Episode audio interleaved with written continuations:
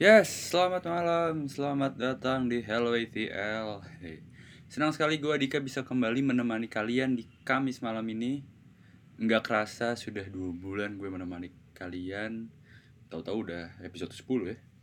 Nah buat yang belum tahu, inilah tempat untuk ngobrol-ngobrol santai tentang keluarga. Apa pun itu topiknya, mau dari yang ringan, receh, ataupun yang berat permasalahannya. Sebagai pembuka, ada satu berita duka yang ketinggalan dari episode 9 yaitu seorang aktor senior yang sudah malang melintang di dunia perfilman Indonesia sejak dekade tahun 1980-an yaitu Adi Kurdi. Uh, beliau wafat pada hari Jumat tanggal 8 Mei di Rumah Sakit Pusat Otak Nasional. Dan beliau ini dikenal dan akan tetap dikenal sebagai abah dari sinetron dan film Keluarga Cemara oleh generasi 90-an dan 2000-an, termasuk gue. Pokoknya semoga beliau ditempatkan di sisinya yang paling paling baik. Amin. Nah, dalam sebulan kita tuh sudah kehilangan tiga seniman ya. Dari Glenn, uh, Didi Kempot, lalu sekarang Abah Hadi Kurdi. Semoga berita duka ini adalah berita duka terakhir di tahun 2020.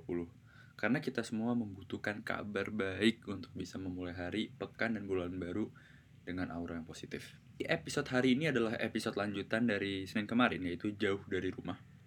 Masih ada tiga tamu yang bersedia berbagi ceritanya. Dua di antaranya tinggal di Australia, dan yang satu lagi sudah hampir 10 tahun sekolah dan bekerja di Eropa. Penasaran kan sama ceritanya?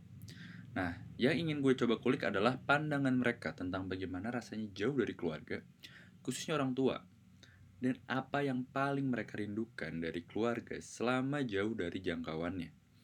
Tapi yang pasti, Gue ingin tahu apa saja sih pelajaran yang bisa dipetik yang pada akhirnya membentuk diri mereka saat ini ketika sudah kembali ke tanah air. Nah, buat kalian yang juga mau ikut cerita-cerita, yuk share apa yang ingin diceritakan atau pengen menumpahkan unek-unek di podcast ini. Karena gue meyakini bahwa kita semua butuh tempat dan ruang untuk saling bercerita. Apalagi yang menyangkut keluarga. Bahkan kalau ada yang pengen e, menumpahkan unek-unek kayak Duh gue pengen banget liburan sama orang tua gue tapi gue belum punya uang. Silahkan. Nah caranya tinggal DM ke Instagram at atl underscore id atau kirim pesan atau post lewat Facebook di at novel.atlanta atau email di atlanta.novel at gmail.com saja. Kita juga buka untuk kalian yang mau tanya-tanya buat segmen tanya ahlinya karena itu adalah segmen khusus berdiskusi dengan praktisi atau psikolog. Bisa juga DM email, atau nanti gue akan buka kolom questions buat kalian yang ingin bertanya.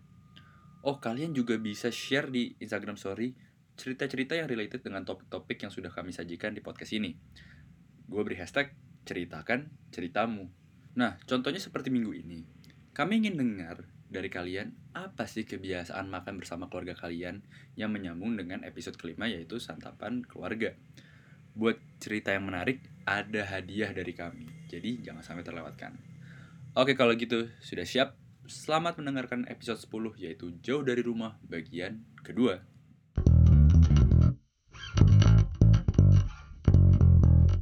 Oke, sekarang gue sudah bersama salah satu sahabat gue yang tinggalnya juga tidak jauh dari gue sebenarnya di Bintaro. Uh, boleh diperkenalkan? Uh, halo, uh, nama gue Gazi uh, umur gue 27 tahun dan iya gue tinggalnya nggak jauh lah dari di alamat rumah lu dik. Oh iya nggak jauh ya. Bintaro Cikini ya?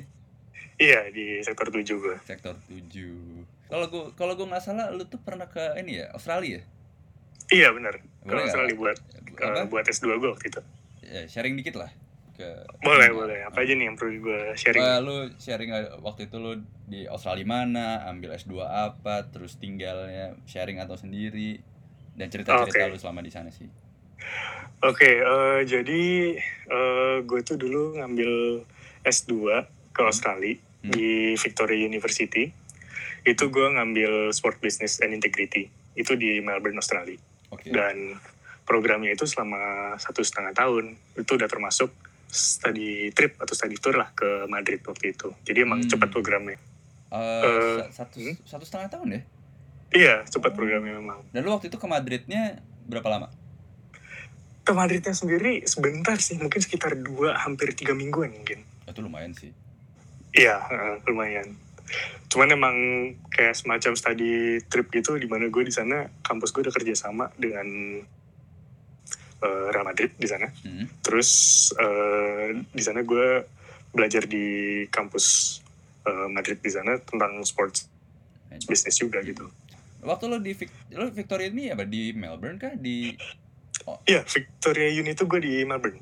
Persis Di di, tengah city-nya kalau kampus gue untuk S2. wow di tengah oke. Ini swasta apa? Eh enggak, ini dari eh, negeri kamp apa, kampus negeri sana. oh kampus negeri sana? Iya. oke. Waktu itu lo tinggalnya gimana? Tinggal sendiri kah? Atau sharing sama salah beberapa flatmate? Gue di situ eh, tinggalnya untuk semester pertama gue sharing sama ada roommate gue. Hmm. Roommate gue ini kebetulan dia adiknya temen gue pas SMA. oh Heeh, jadi dia di kelas gue dulu di pas gue masih SMA. Hmm. Terus dia tuh ngambil S1 di sana. oh di Melbourne. Nah, Hmm. pas gue datang ke sana, dia tuh sebenarnya baru lulus, Hmm. lagi nyari kerjaan di sana. oh Jadinya dia nyari eh, eh, nyari tempat tinggal juga, akhirnya bareng sama gue. Itu selama berapa lama eh kurang lebih eh, mungkin 4-5 bulanan gue sama dia di Lumayan sana. Ha-ha. Untuk semester pertama gue, gue sharing sama dia. oh dan lo memilih untuk lalu memilih untuk tinggal sendiri Abis itu dia soalnya dapat kerjaan di Jakarta. Nah, Oh. jadinya dia balik ke Jakarta. Hmm. Sementara kontrak gue di sana itu dengan apartemen gue tuh udah setahun ke depan. Jadi Hmm. gue nggak bisa keluar. jadi lo tetap tetap di situ selama Iya, setahun. gue tinggal sendiri di situ selama setahun depan. tapi eh, dan di, kan lu bilang satu setengah tahun dan enam bulan terakhirnya lu juga tetap di situ Eh, enam bulan terakhir gue juga tetap di situ karena kayak gue mikir kalau misalnya mau pindahan lagi eh, agak susah buat nyari apartemen dan bawa-bawa barangnya semuanya kan. Jadi ya udahlah gue extend aja di situ lagi enam bulan. ah sih lumayan ya Lumayan. ah. lumayan lumayan Pak. nih a- apa sih rasanya em, tinggal di negara orang lain dan jauh dari nyokap lo eh rasanya sih kalau gue jujur nyaman-nyaman aja sih. Bahkan bisa di- dibilang enak banget sih sebenarnya tinggal di Melbourne waktu itu. Mm-mm. apalagi di sana itu kan orang Indonesia banyak banget. Oh terus? deket tempat tinggal gue juga lumayan banyak pilihan restoran Indonesia. Terus ada Hmm. ada swalayan juga yang jual makanan minuman produk Indonesia jadi Hmm. gue nggak terlalu kaget sih pas masa-masa transisi pindah ke sana. Tapi lu pernah homesick gak sih? Homesick eh kayaknya sih mungkin pernah ya. Hmm. mungkin pernah pas gue lagi udah penat juga mungkin di sana lagi banyak eh, kerjaan banyak tugas ini Hmm. itu. Hmm. cuman most of the time sih gue nyaman sih tinggal di sana. Oh En- enak ya, ya karena lu te- banyak orang Indonesia sih ya? Iya benar. Banyak orang Indonesia di sana walaupun sebenarnya eh, gue ujung-ujungnya lebih sering mingle sama teman-teman kampus gue yang bukan orang Indonesia oke kenapa tuh karena kampus gue itu kayaknya emang bukan tujuan anak-anak Indonesia kalau ke sana deh seperti jadi Hah? eh, di Melbourne itu kan ada kampus-kampus lain kayak Melbourne University, MelU, Iya. Monash, RMIT itu kayaknya lebih populer lah buat anak-anak Indonesia kalau ke sana. Hmm. Nah, dan lagi program gue ngambil S2 di sana, Hmm. itu orang-orang Indonesia nya nggak ada yang ngambil jurusan sama kayak gue.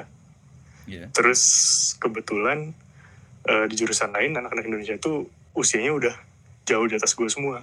Oh. Udah pada berkeluarga semua rata-rata. Oh gitu. Di atas 40 lah mungkin. Lumayan ya. Iya, makanya gue juga eh, lebih nyaman sama teman-teman sekelas gue pas di sana.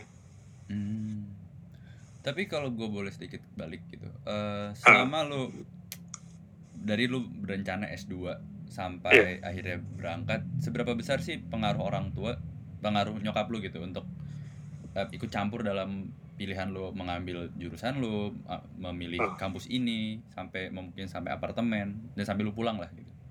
Iya, jadi kalau pengaruh eh, ikut campur dari orang tua orang tua gue sebenarnya nyokap gue tuh lebih pengen kayak terserah gue mau ngambil apa, tapi asalkan gue benar-benar komit di situ. Oke. Jadi eh, orang nyokap gue tuh bukan yang kayak mau eh, apa ya istilahnya kayak maksa gue ngambil suatu jurusan gitu enggak, tapi dia lebih kayak ke nanya eh, gue tuh maunya apa sebenarnya. Hmm. apa yang mau gue lakuin Hmm. nah, terus rencana ke depannya gimana akhirnya Hmm. waktu itu gue ngerasa gue pengen ngambil sport bisnis karena gue pengen ada pengalaman tinggal di luar satu. Dan yang kedua gue pengen belajar sesuatu yang gue sukain gitu nah, akhirnya gue ngambil sport bisnis dan ya udah akhirnya nyokap gue juga ngizinin untuk gue ngambil ini ke Melbourne Oke, itu kalau mohon maaf kalau boleh tahu eh, biaya dari beasiswa orang tua kah? iya masih dari Beasiswa orang tua. itu ya? gue waktu itu Heeh, baru lulus ke S1 gue langsung cari S2 soalnya waktu itu belum sempat kerja Oh iya. Nggak apa-apa sih sama kok. gitu Tapi eh, selama lu jauh di Melbourne, seberapa apakah nyokap lu sering visit nggak ke sana?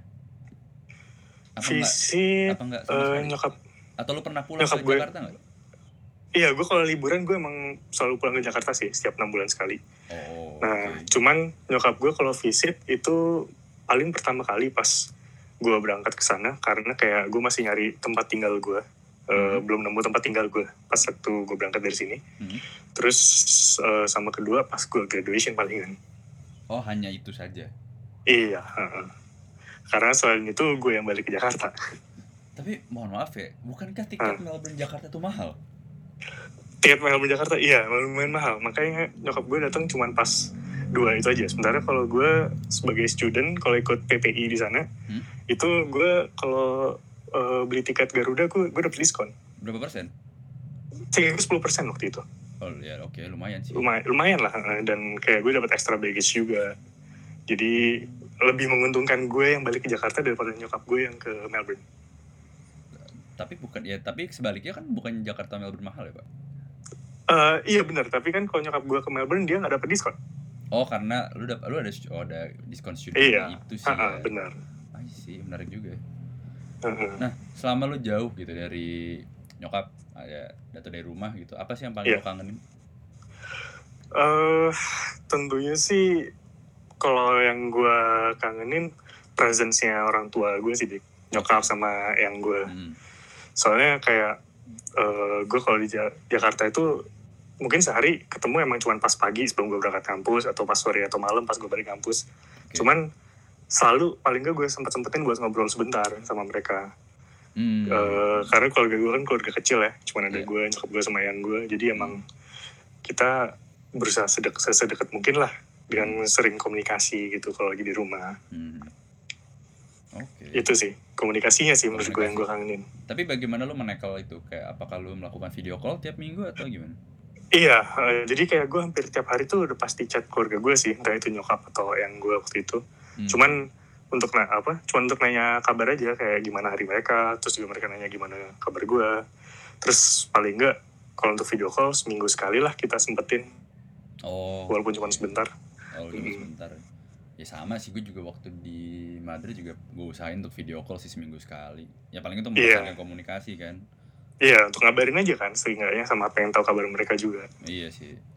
Nah selama lu di sana apa sih eh, pelajaran yang bisa lo petik?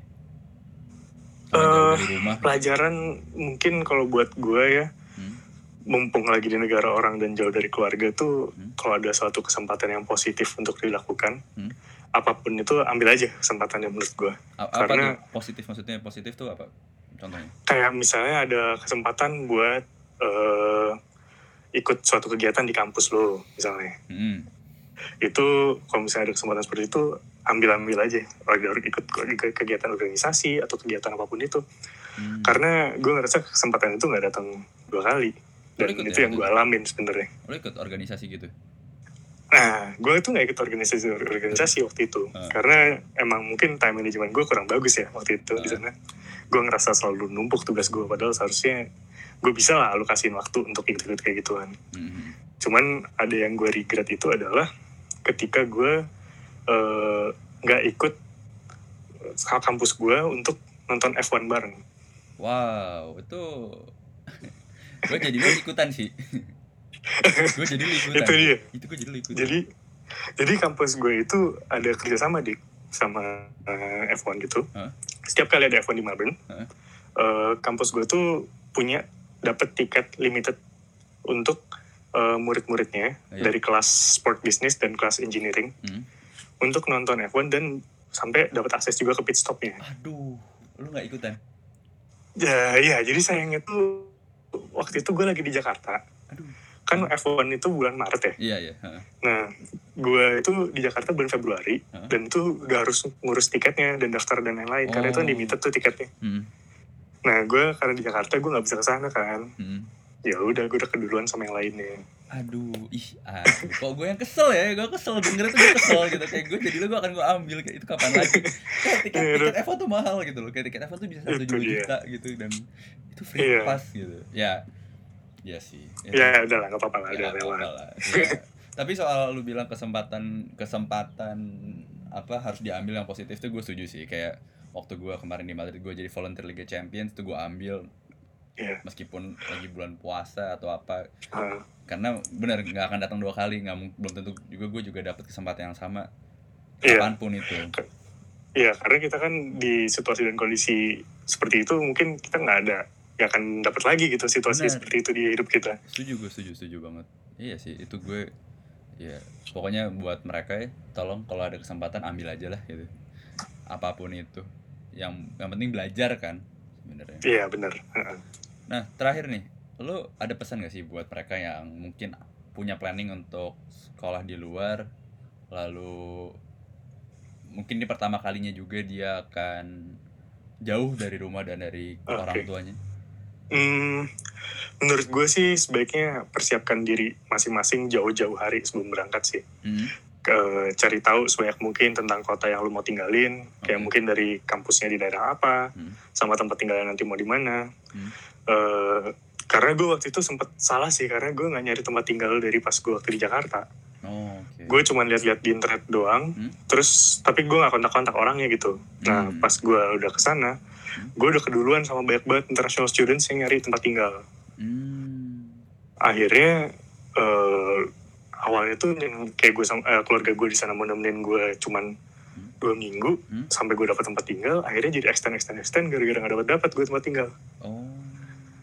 gitu untungnya akhirnya sih dapat sih cuman ya eh, repot prosesnya Tunggu, eh, bukankah lu ketika harus ngurus visa itu harus tahu tem- tinggalnya di mana?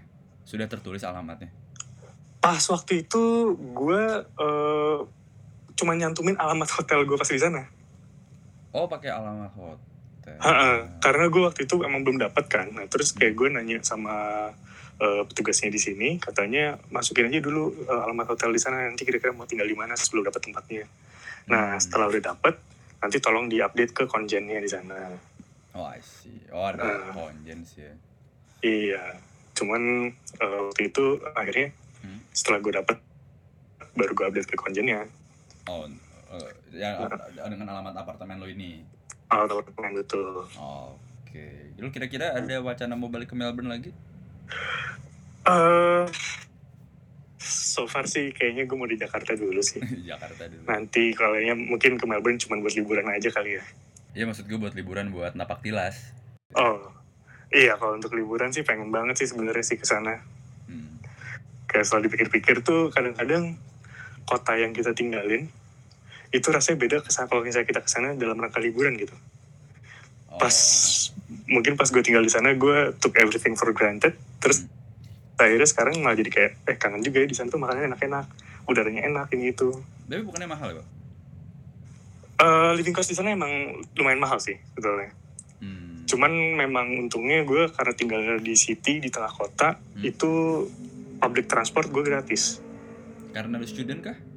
Eh, bukan, emang gratis untuk di dalam kota aja tapi Oh, Oke. di CBD-nya gitu kayak kalau gue naik tram, naik train itu gue gratis asalkan masih dalam area CBD-nya. Oh iya, oh enak ya. Iya, eh, makanya gue dari eh, apartemen gue ke kampus gue gue gratis. Oh, area CBD itu berarti kayak kayak di Sudirman gitu. Iya, kurang lebih gitu. Oh enak loh, bener-bener di jantung kotanya ya. Iya, eh. Hmm. Ya sudahlah pak kalau gitu. Terima kasih lu sudah berbagi cerita soal Sam- kehidupan lu di Melbourne dan sharing. sama-sama di Mm-mm. Pokoknya semoga tet- tetap. sukses selalu deh lu. Amin. Semoga lu ini ya tetap sehat puasanya. Amin, amin, sama-sama deh. Yoi. Salam buat nyokap. Oke, Oke. salam juga buat keluarga dik. Siap. Semuanya. Wah itulah tadi eh, perbincangan gue dengan Gazi. eh, sebagai catatan, Gazi ini memang tinggal hanya dengan ibunya dan eyangnya saja di rumah.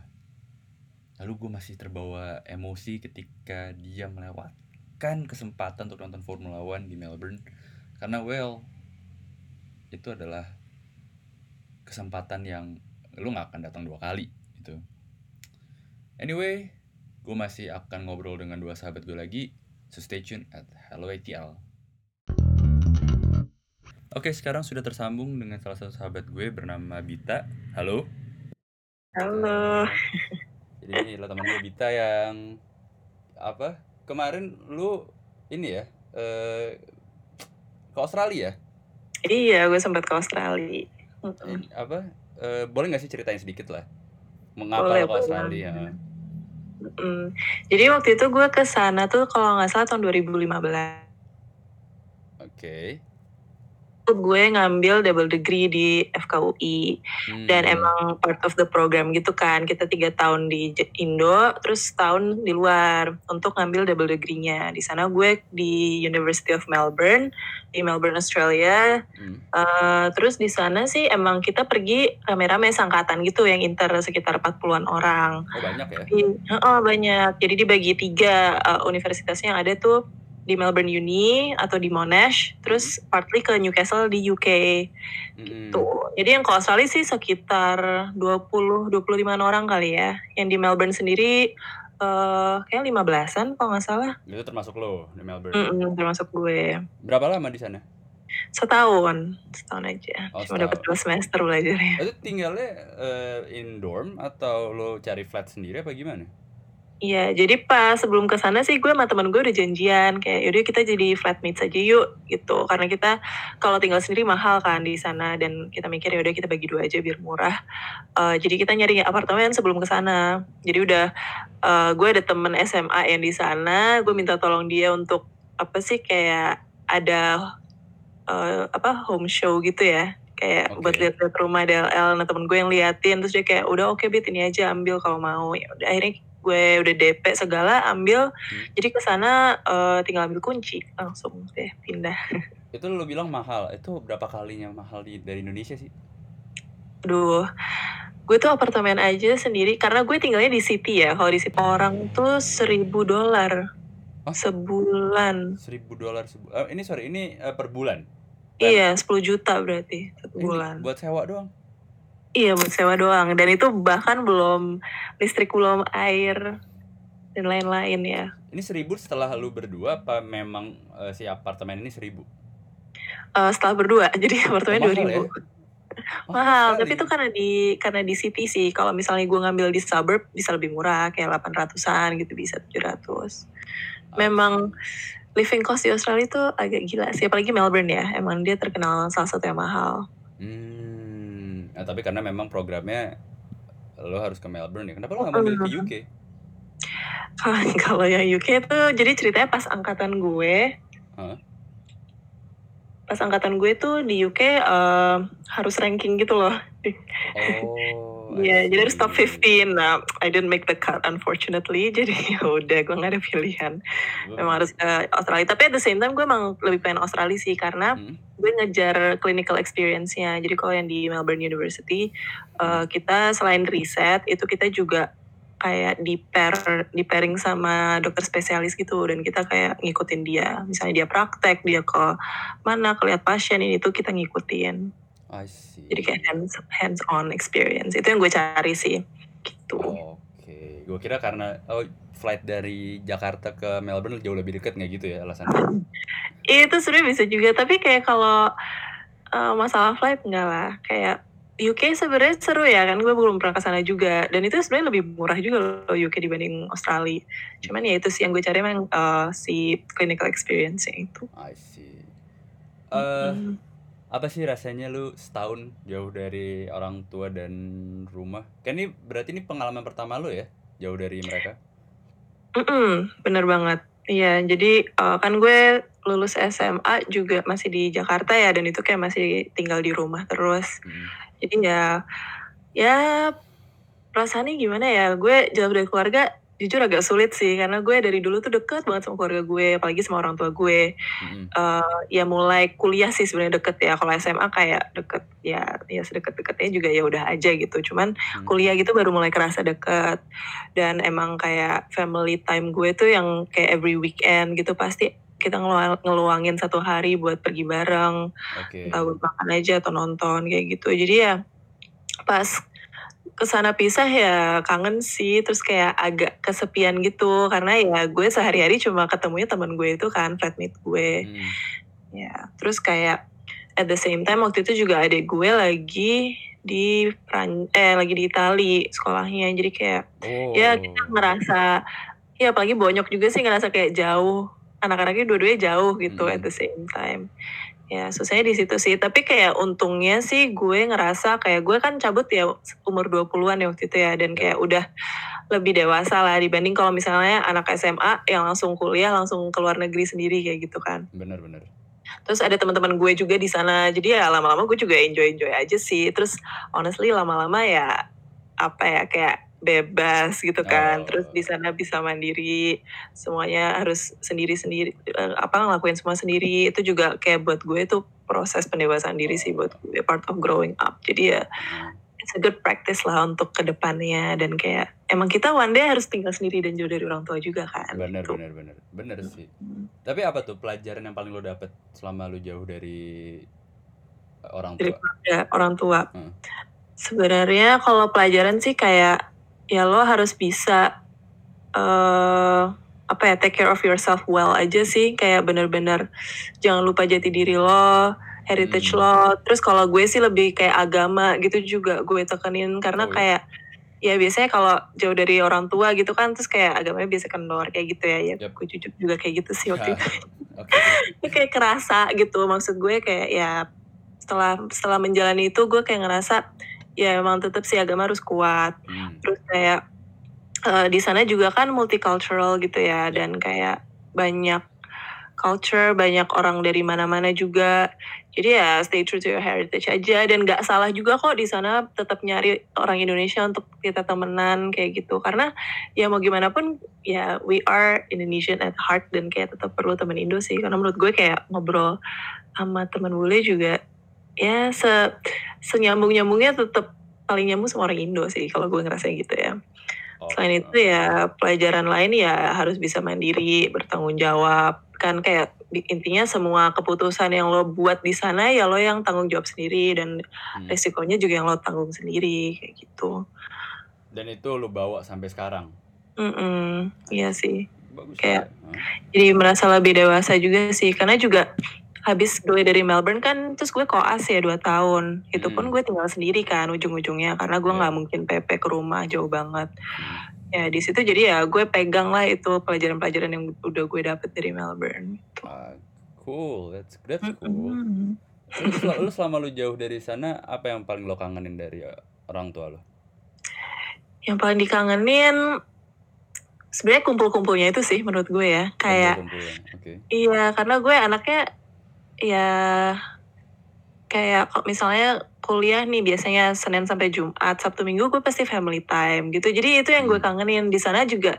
Jadinya weekend ya udah ujung-ujungnya paling pergi sama temen gitu kan. Kalau misalnya temen gak ada eh, udah ada acara, gue gak ada temen ya sendirian aja di rumah kayak gitu. Jadi yang dikangenin sih sebenarnya kumpul-kumpulnya, ngobrol-ngobrolnya, quality time-nya itu.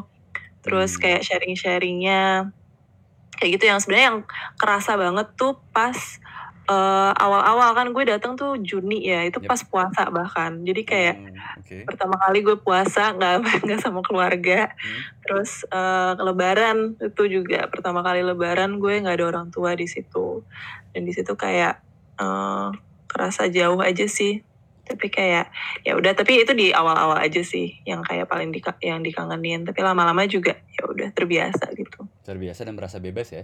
Mm-mm. Lebih lebih lebih lebih enak. Lo semakin ke sini, semakin lama di sana, makin enak nggak ada orang tua nggak? Oh, good question. Sometimes iya sih kayak ada positifnya gitu loh. Jadi kayak ya udah kayak nggak ada yang nanyain gue mau ke mana hari ini. Iya. Kalaupun mau pergi ya udah keluar keluar aja gitu kan. Gak ada yang Hmm. nanyain pulang kapan. Tapi kadang tuh kayak kangen gitu loh. Kadang misalnya nih gue lagi keluar atau apa terus HP gue nggak ada notif gitu kayak mereka nggak nyariin gue gitu kayak kadang dikangenin sih itunya. Ya gitu. Ya iya sih pasti kan kadang bener sih gue juga setuju gue juga waktu jauh dari Jakarta juga sama kayak seneng juga ya gue bebas gitu kan pergi iya ke mana-mana. mm-mm. tapi ujung-ujungnya kok tumben ya nggak ada yang bawelin untuk cepet Iya pulang kan? gitu. Makanya kayak kangen dibawelin gitu. Iya, kangen dibawelinnya itu. Emang. Tapi lu selama eh sorry Ja- eh, Jakarta Melbourne tuh beda berapa jam sih? Tiga jam oh ada nggak sih? tiga jam iya. Oh. jadi nggak lama sih. Eh, dan bagaimana lu menekel eh, hambatan lu berkomunikasi dengan orang tua lu? Gimana Hmm. cara lu eh, melepas kangen lah? Iya, Eh, untungnya kan kita udah hidup di era teknologi ya, jadi ya bisa Hmm. telepon kan, ada internet. Hmm. Ya gue sih selalu sih sama bonyok gue pasti Skype sessions at least seminggu sekali ya, kayak weekend Hmm. gitu. Hmm. Atau kalau emang lagi sama-sama free ya udah telepon aja. oke Pasti, tapi ya jujur kalau pas itu sih selalu nyokap gue yang minta ya, kayak gue jarang yang nanyain kayak mah kapan mau Skype itu pasti nyokap gue yang nanya kapan kita Skype lagi gitu. Ya mungkin Hmm. kayak next time kalau ya gue sam emang harus jauh jauh dari orang tua sih. Kayak itu pelajaran juga sih yang gue uh, ini sih kayak harus ya kita sebagai anak juga harus yang kayak nyariin orang tua juga lah ya. Maksudnya yang ingat mereka dan Hmm. yang menginisiasi untuk ketemu mereka dan ya ngajak ngomong juga. Terus selain Skype ya paling ya aktif di grup keluarga WhatsApp kayak gitu-gitu aja sih. Oh berarti lo udah tipikal orang yang juga su- suka sharing ada apa nih hari ini di Melbourne gitu. Mm-mm, Oh, iya Oke. kayak karena gue sama bonyok gue deket sih dan gue cur- suka curhat ke mereka gitu emang mereka teman curhat gue juga gitu mau Hmm. masalah cowok masalah sekolah masalah apa semua hal gitu Oke. jadi ya emang this catching up sih buat gue membantu dan emang gue butuhkan juga sebenarnya gitu I see. Oh itu yang paling signifikan ya. Mm-mm, menurut gue itu sih jadi kayak ya sebenarnya jatuhnya kayak LDR sama temen itu kan Temen Ya, ngobrol LDR gitu kan. LDR sama bonyok gue jadinya kayak gitu Ah, tapi selama lo di Australia, apakah bonyok lo su- suka nyamperin lo? Oh, mereka sempat sekali datang. Itu pun surprise visit kayak tiba-tiba gitu sih. Oh. Ya itu kayak seneng sih. Tapi sebenarnya kayak karena gue gimana ya? Karena mindset gue adalah oke gue di Melbourne cuma satu tahun gitu. Jadi gue ngerasa oh ini nggak lama-lama amat sih sebenarnya gitu kan. Hmm. Jadi ya ya udah kayak em, gue mau kangen-kangen-kangen banget juga ya udah kayak cuma setahun aja kok nggak lama gitu. Tapi lumayan sih disamperin jadi at least gue bisa ngajak mereka jalan-jalan, nunjukin kayak happiness gue di sana tuh gimana kayak gitu. Iya ya, sebenarnya orang tua tuh pengen lihat anaknya happy sih kalau jauh. Bi- Bisa juga tenang kan pasti. Bener, bener banget.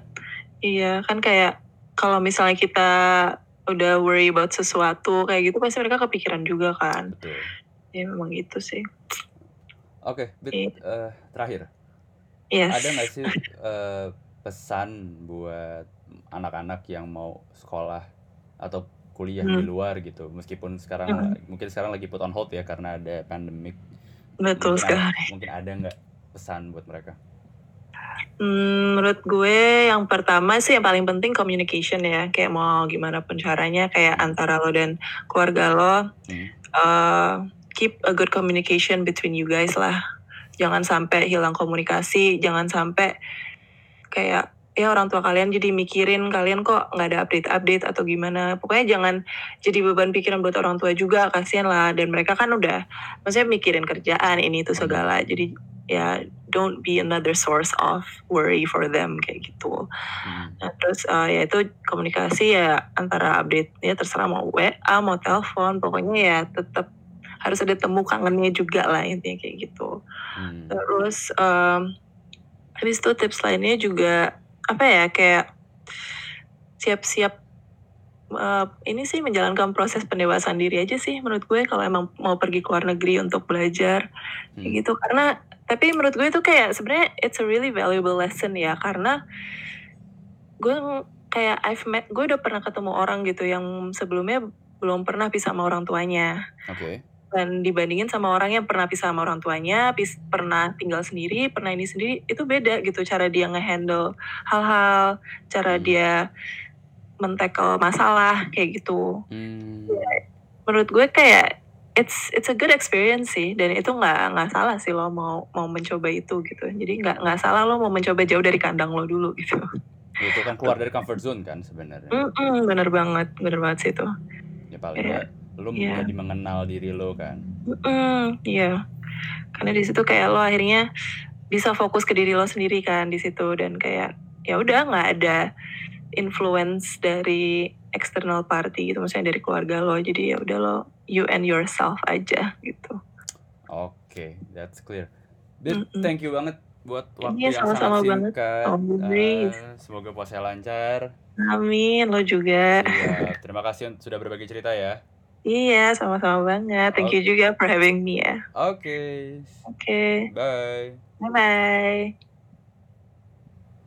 Itulah tadi cerita dari Wita. Jadi sebenarnya gini sih buat gue, lu jauh dari rumah dan jauh dari orang tua itu membuat lu belajar mengenal diri lu. Tapi di di sisi lain itu juga menjadi some proving ground bahwa gue bisa kok jauh dari orang tua dan tidak mengemis perhatiannya mereka. Sedekat atau sejauh apa pun kalian dengan mereka dengan orang tua gitu. Dan gue yakin orang tua juga pasti tetap mendoakan anaknya meskipun jauh dari genggaman ya, dan pandangan. Masih ada penelpon selanjutnya? Stay tuned at hello ATL halo halo. Halo. Halo, halo. Yes, ini sudah tersambung dengan salah satu sahabat gue bernama Bima yang sepertinya sedang sibuk ya. Apa? eh, masa-masa karantina ini. Iya nih, masih sibuk banget nih. Ini karantina bukannya makin santai, kerjaan makin banyak nih. Waduh, tapi aman ya, nggak nggak kena layoff ya. Aman, aman. Oh. Patut disyukuri sih, masih banyak kerjaan sih. Patut disyukuri. Patut disyukuri. Nah, Bima ini adalah sahabat gue selama di Madrid. Tapi setahu setahu gue dan seingat gue adalah lu tuh sudah lama ya tinggal di Eropa ya. Iya, benar. Gue udah cukup lama sih Boleh tinggal sih di sana. diceritain riwayat lu selama tinggal di Eropa? Oke, jadi gue eh, tahun 2011 setelah lulus SMA, Hmm. gue memutuskan untuk kuliah di luar. Destinasi pertama adalah Belanda waktu itu, tepatnya di kota Hmm. eh, Eindhoven. Oke. di situ dari tahun 2011 sampai sekitar tahun 2000 berapa ya 2015 Hmm. itu gue kuliah di sana sebelum gue memutuskan untuk pindah nih setelah lulus gue pindah memutuskan untuk kerja di negara tetangganya yaitu Jerman tepatnya Oke. di kota Düsseldorf Oke oke. tuh nah setelah di Düsseldorf Düsseldorf selama tiga setengah tahun gue memutuskan untuk melanjutkan studi gue ambil master Hmm. yaitu di uh, bidang sports marketing, Hmm. gue berangkat ke Spanyol ke Madrid. Nah di situlah gue baru ketemu sama lo di Oh iya benar benar. kota Spanyol itu, kota Madrid itu. Mm-mm. Dan waktu itu lu eh, selama lu di luar tinggalnya sendiri kah atau sharing atau gimana? Waduh 8 tahun pindah-pindah deh, maksudnya macam-macam, Oh macam-macam. banyak, macam-macam dong. Pernah sharing juga, pernah pernah apa tinggal sendiri juga pernah. Jadi ya macam-macam sih. Eh tapi lu tuh pernah eh, eh, selama di luar kerja kan ada kerjanya juga ya? Iya iya kerja. Waktu di Jerman gue sempat kerja tiga setengah tahun.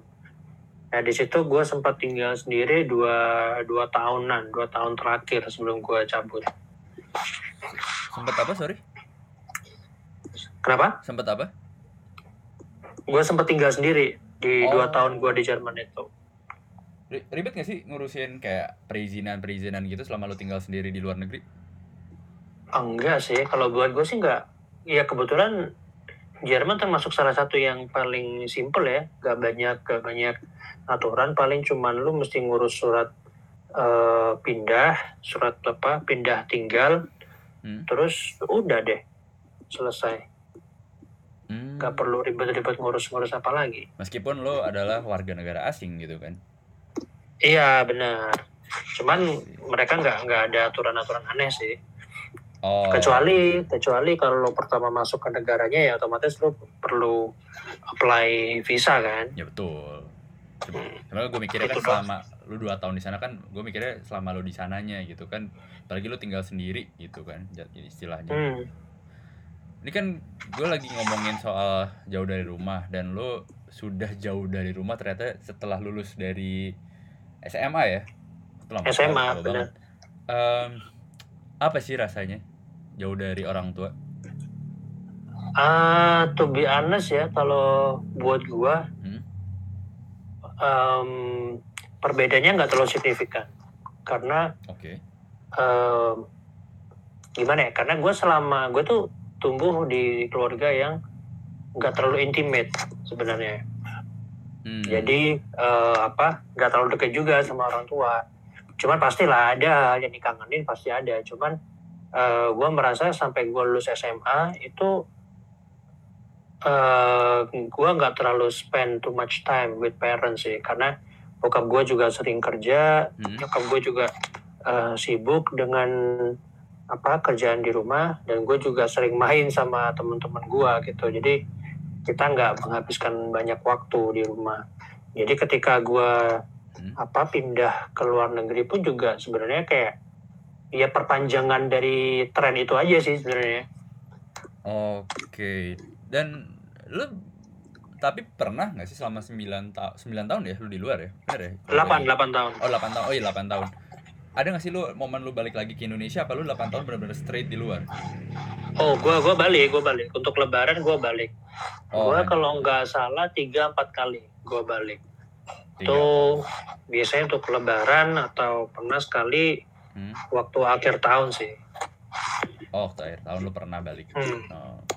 Nah, eh seberapa jauh sih eh ikut apa ya campur tangan orang tua dari lu planning memutuskan untuk kuliah di Eindho- Eindhoven sam- Mhm. sampai lu selama apa hidup di sana di Eropa sampai lu akhirnya balik lagi. Hmm. Kalau untuk em, campur tangan sih sebenarnya nggak nggak anu sih nggak terlalu banyak sih ya. Hmm. Eh, gua dari dari awal dari zaman SMP bahkan gua udah sounding ke orang tua kalau gua pengen kuliah di luar gitu. Oh, Oke. Nah, hmm, jadi mereka kayak udah siap-siap sih selama gue SMA tuh mereka udah siap-siap dan kebetulan eh, apa gue ya syukurnya sih gue mampu menunjukkan ke mereka kalau gue mampu gitu untuk untuk mengurusi diri gue sendiri gitu Oke. dan mungkin karena trust itu ya jadi mereka nggak terlalu ambil pusing. Yang penting em, mereka bisa mensupport gue semampunya Hmm. terus ya gitu aja sih mereka nggak terlalu banyak banyak campur campur apa campur tangan juga ke Hmm. keputusan-keputusan yang apa ya biasanya kalau gua milih untuk kuliah di sini kenapa kuliah di sana kenapa mereka nggak terlalu anu sih mereka percaya gua tahu lebih baik lah untuk Tapi- apa yang yang Eh. yang gua mau gitu Tapi kan lu S1 di sana ya. Em, benar apakah orang tua lu tidak meminta lu untuk S1 di dalam negeri gitu? Karena kan kebanyakan orang tua nih kan meminta ya lu S1 di ini aja dulu lah di misalnya UI, UGM atau PTN gitu. Hmm. Eh, sepingat gue sih enggak sih. Cuman opsi untuk kuliah di dalam negeri waktu itu sempat ada memang ada karena gue berkesempatan untuk masuk di PTN. Cuman eh, pembahasannya nggak terlalu banyak sih. Waktu itu emang udah langsung fokus mau kuliah di luar sih Oh. Jadi dan lu gitu. meyakinkan, sudah meyakinkan dari awal ya, gue mau keluar gitu kan. Iya benar-benar. Nah, eh, selama lu jauh gitu, apa sih yang paling lo kangenin dari orang tua lu? Eh, gua tuh paling kangen family time sih. Gua Family paling kangen time. itu benar. Terutama kalau kita makan-makan di luar gitu kan. Hmm. Karena buat gua momen-momen sama keluarga itu kan nggak banyak. Kalau mau Iya. jujur ya, nggak banyak karena orang tua juga sibuk, terus gue juga sibuk dengan dunia gua di sama teman-teman gua gitu. Jadi Hmm. setiap kali kita spend time together gitu, Hmm. makan keluar atau eh, apalah belanja ke mall gitu, itu adalah sesuatu yang sangat gua apa ya treasure sih. Jadi Hmm. waktu gue pindah ke Eindhoven sampai sekarang itu juga masih jadi hal yang paling gue kangenin sih kalau gue pulang ke Malang. Tapi lu ah, nah cara lu mengobati kangen itu gimana? Ketika lu jauh Ah. ap- apakah lu eh, teleponan kah atau lu mungkin minta dikirim sesuatu kah? Paling gampang sih telepon ya. Ya kalau minta kirim kan juga repot juga sih. Mungkin buat gue inget sih gue eh, setahun dua tahun pertama gue masih masih belum bisa apa ya lepas total lah ya sama orang tua gitu. Gue masih kadang masih minta dikirimin ini itu. Hmm. tapi over time gue udah bisa bisa mengurus diri gue sendiri. Terus ya udah kita akhirnya cuma teleponan aja Oke. Dan teleponan itu apakah tiap minggu, tiap bulan atau random? random sih tergantung kalau lagi mood terutama kan tahun 2011 ya gue gak tahu kalau lo inget atau enggak Hah? 2011 2012 itu at least waktu itu waktu gue ya waktu zaman gue itu Hmm. eh teleponan itu lumayan terbatas loh masih cuma ada Skype Iya benar-benar. Iya benar-benar. Ya kan? Benar-benar. masih gue aja berangkat waktu itu masih cuman ada eh, BlackBerry nah Iya iya. Zaman segitu Ya. ya benar. bener nah celakanya orang tua gue tuh gaptek mereka ma- masih punya HP Nokia doang jadi Waduh. terpaksa lah untuk kontak-kontakan gue kirim SMS bayangin kirim SMS Itu dari Belanda berapa, ke Pak? Indonesia Mohon maaf itu baru berapa? kenapa Enggak, ya, itu bayar berapa zaman eh, apa kirim SMS internasional kan mahal. waduh nggak inget dah gue pokoknya pulsa seratus ribu itu paling berapa SMS udah habis udah Astaga. Eh apalagi SMS ada limitnya kan? Iya, cuman berapa karakter gitu kan. Iya. Cuman ya ya gimana dong? Ya iya. Sejak sejak tahun berapa ya itu barulah bokap gue ngerti yang namanya smartphone. Nah, dari situ udah kita WhatsAppan akhirnya. Iya, iya zaman dulu kan ya WhatsApp baru muncul kan zaman-zaman segitu sebenarnya. WhatsApp, BBM, Line kan jam baru muncul Hmm. tuh awal-awal. Udah udah muncul sih, cuman belum kompatibel aja sih sama apa HP-HP kita dulu. Kan masih Iya, BlackBerry-an kan dulu. Bener bener bener. Apa sih kendala menurut lo ya kendala paling besar selama lo tinggal jauh dari orang tua? kendala paling besar eh, finansial sih mungkin ya Finansial. bisa dibilang finansial iya men waduh finansial itu maksudnya selama gua kuliah ya selama gua Iya. kuliah Hmm. karena gua bergantung dengan orang tua Hmm. eh, masalah finansial jelas salah satu hal yang paling paling besar ya Oke. dan itu kalau seingat gue waktu gue S1 dulu tuh sangat-sangat mengganggu sih karena Hmm. eh gue juga misalnya waktu itu keluarga gue juga lagi susah tuh Ya. mereka nggak bisa kayak 100% support gue jadi gue pernah sampai tiga tahun itu gue eh, kerja part time Oke. kerja part time sampai gue lulus Hmm. itu ya untuk mensupport diri gue Ya. jadi kalau gue rasa sih itu sih finansial itu adalah salah satu hal yang paling kendala paling besar sih waktu itu. Sampai eh, tahun lalu sampai di Madrid. Oh enggak, kalau itu gue udah udah bisa settle sendiri. Setelah Oh, gue kerja kan gue udah bisa nabung, akhirnya syukur bisa bisa ngurus sendiri akhirnya. Oh iya, oke oke. Make sense. Eh apa sih pelajaran yang paling lo dapat selama lo 9 tahun eh 8 tahun sorry 8 tahun tinggal di Eropa dan jauh dari rumah? Eh, kemandirian sih, kemandirian dan kedewasaan. Itu sangat membentuk lo sangat membentuk gue, to be honest, Hmm. karena eh apa ya merantau itu kan sebenarnya kan apa ya adalah proses apa ya cara terbaik lah kalau menurut gue ya cara terbaik untuk mendewasakan diri. Setuju. Untuk me- mengas- mengasah kemandirian. Jadi waktu gue lepas dari orang tua gue kayak Hmm. merasa sering kali Hmm. dalam dalam banyak titik gue merasa kayak I'm alone gitu. Gue Hmm. I have to deal with this myself gitu. Orang tua gue ya cuman bisa kirim doa doang gitu kan. Ya. Dan dan kalau bisa mengirim apa eh, bantu dalam segi finansial ya syukur. Kalau enggak ya gue harus harus harus menghadapi semuanya sendirian gitu. Jadi itu apa cara terbaik sih untuk benar-benar mengasah kemandirian Hmm. mengasah mental mengasah eh, apa ya kedewasaan sih.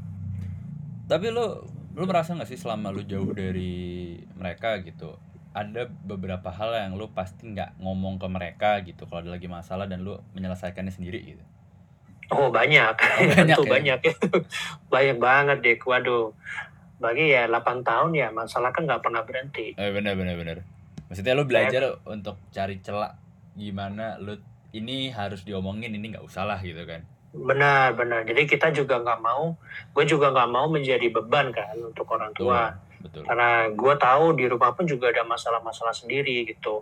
Hmm. Jadi ya harus lebih selektif sih hal apa yang yang apa ya, yang pantas lah untuk kita share hal apa yang sebaiknya kita Hmm. simpan sendiri gitu. oh iya benar benar setuju Ya, juga tapi- sama Hmm, tapi selama 8 tahun jelas banyak banget sih hal yang gua sembunyiin dari mereka banyak. ada nggak lu mau share, mau sharing nggak satu hal yang lu sampai sekarang nggak pernah ngomong Satu, eh, mungkin waktu gua kecelakaan dulu sih. Oh. Gua pernah dulu cuy pulang pulang apa kerja part time dari restoran gitu. Hah?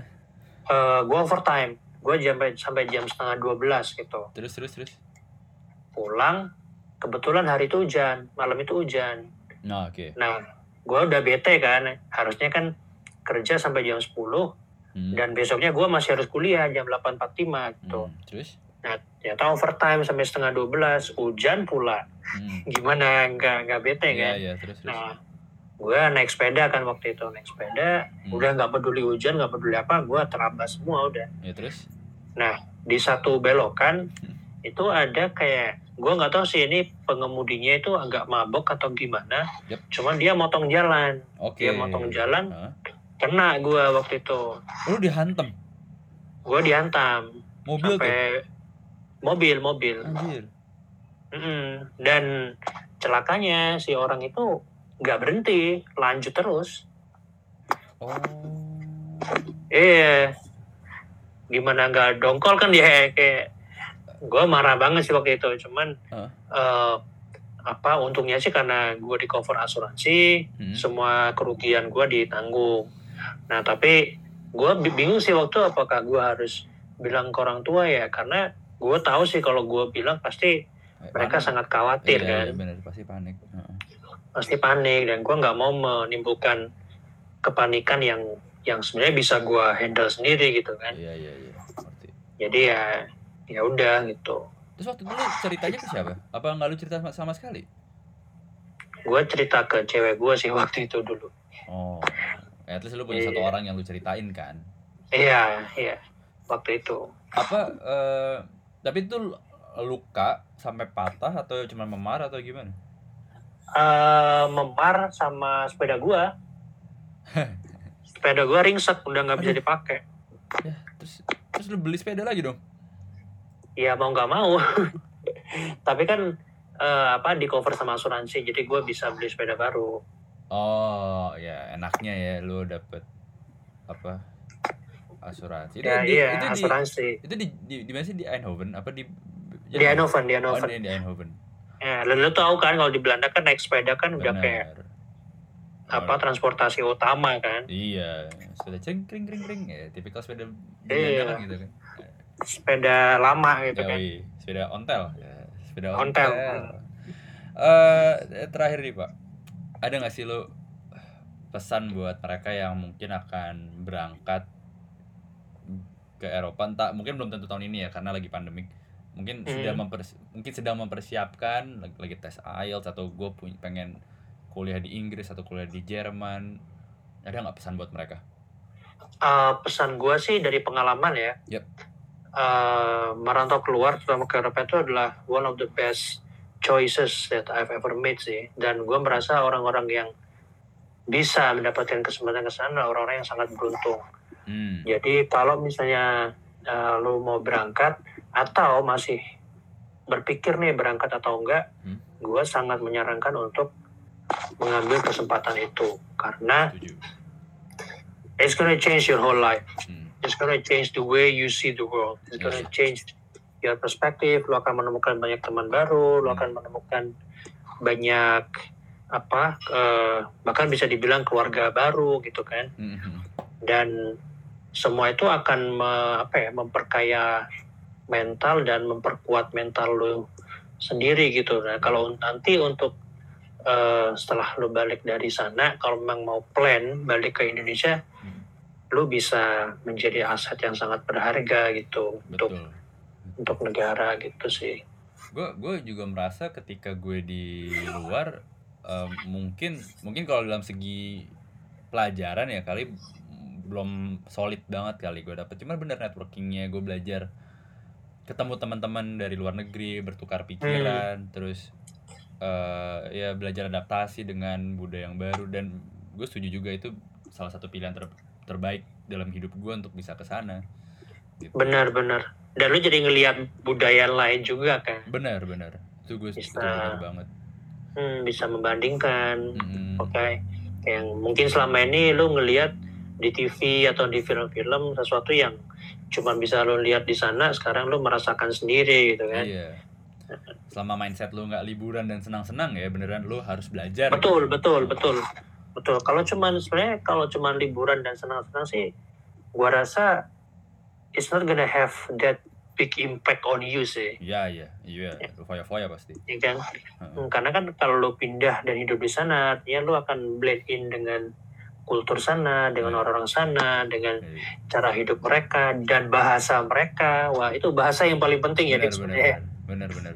Benar itu itu itu kalau di kalau di Spanyol cuman tahu como mierda sama hiya de puta gawat sih itu gawat sih wah gawat Eh. kebanyakan nar nachos ya sudah lah pak gitu, kalau gitu terima kasih untuk waktunya sudah berbagi Thank you, cerita thank you. Senang, Hmm, terima kasih senang, senang bisa apa join sama lo di sini. Mm-mm.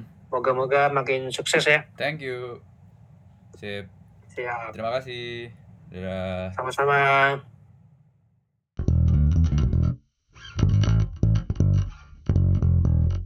Itulah tadi tiga tamu penutup yang sudah berbagi cerita tentang rasanya menjadi anak rantau atau jauh dari rumah.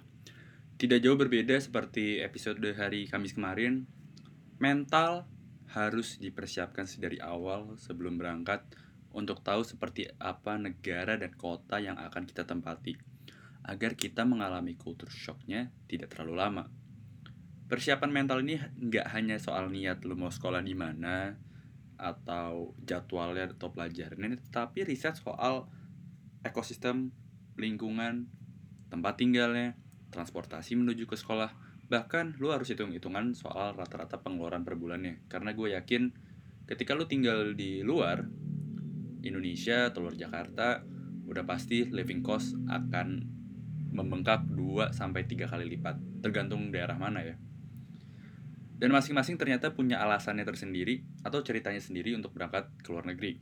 Di mana Gazi memutuskan untuk S2 mengambil jurusan Sports Industry langsung ketika lulus S1. Sementara Bita memang kuliah di Australia karena program double degree di UI. Dan Bima yang sudah 8 tahun berada di Belanda, Jerman, dan Spanyol berniat untuk mengejar mimpinya bekerja di industri sepak bola. Bahkan Bima bilang, keputusannya berangkat ke Eropa adalah hal terbaik yang pernah ia lakukan selama hidupnya. Dengan begitu, berakhir sudah topik jauh dari rumah. Terima kasih yang sudah mendengarkan dari episode 9 kemarin. Nah, buat yang penasaran sama ada apa di episode 11 hari Senin besok, well, kita akan masuk ke segmen Aku Ingin Bercerita, karena ada sahabatku yang menghubungi gue dan bercerita tentang posisi dirinya sebagai anak tunggal di tengah disfungsi keluarga. Nah, seperti apa nih ceritanya? So, jangan lewatkan Hello ETL setiap Senin pukul 7 malam hanya di Spotify dan Apple Podcast. Baik, kalau gitu, terima kasih sudah mendengarkan episode ini. Tetap sehat, serta jaga kondisi badan, dan selamat malam.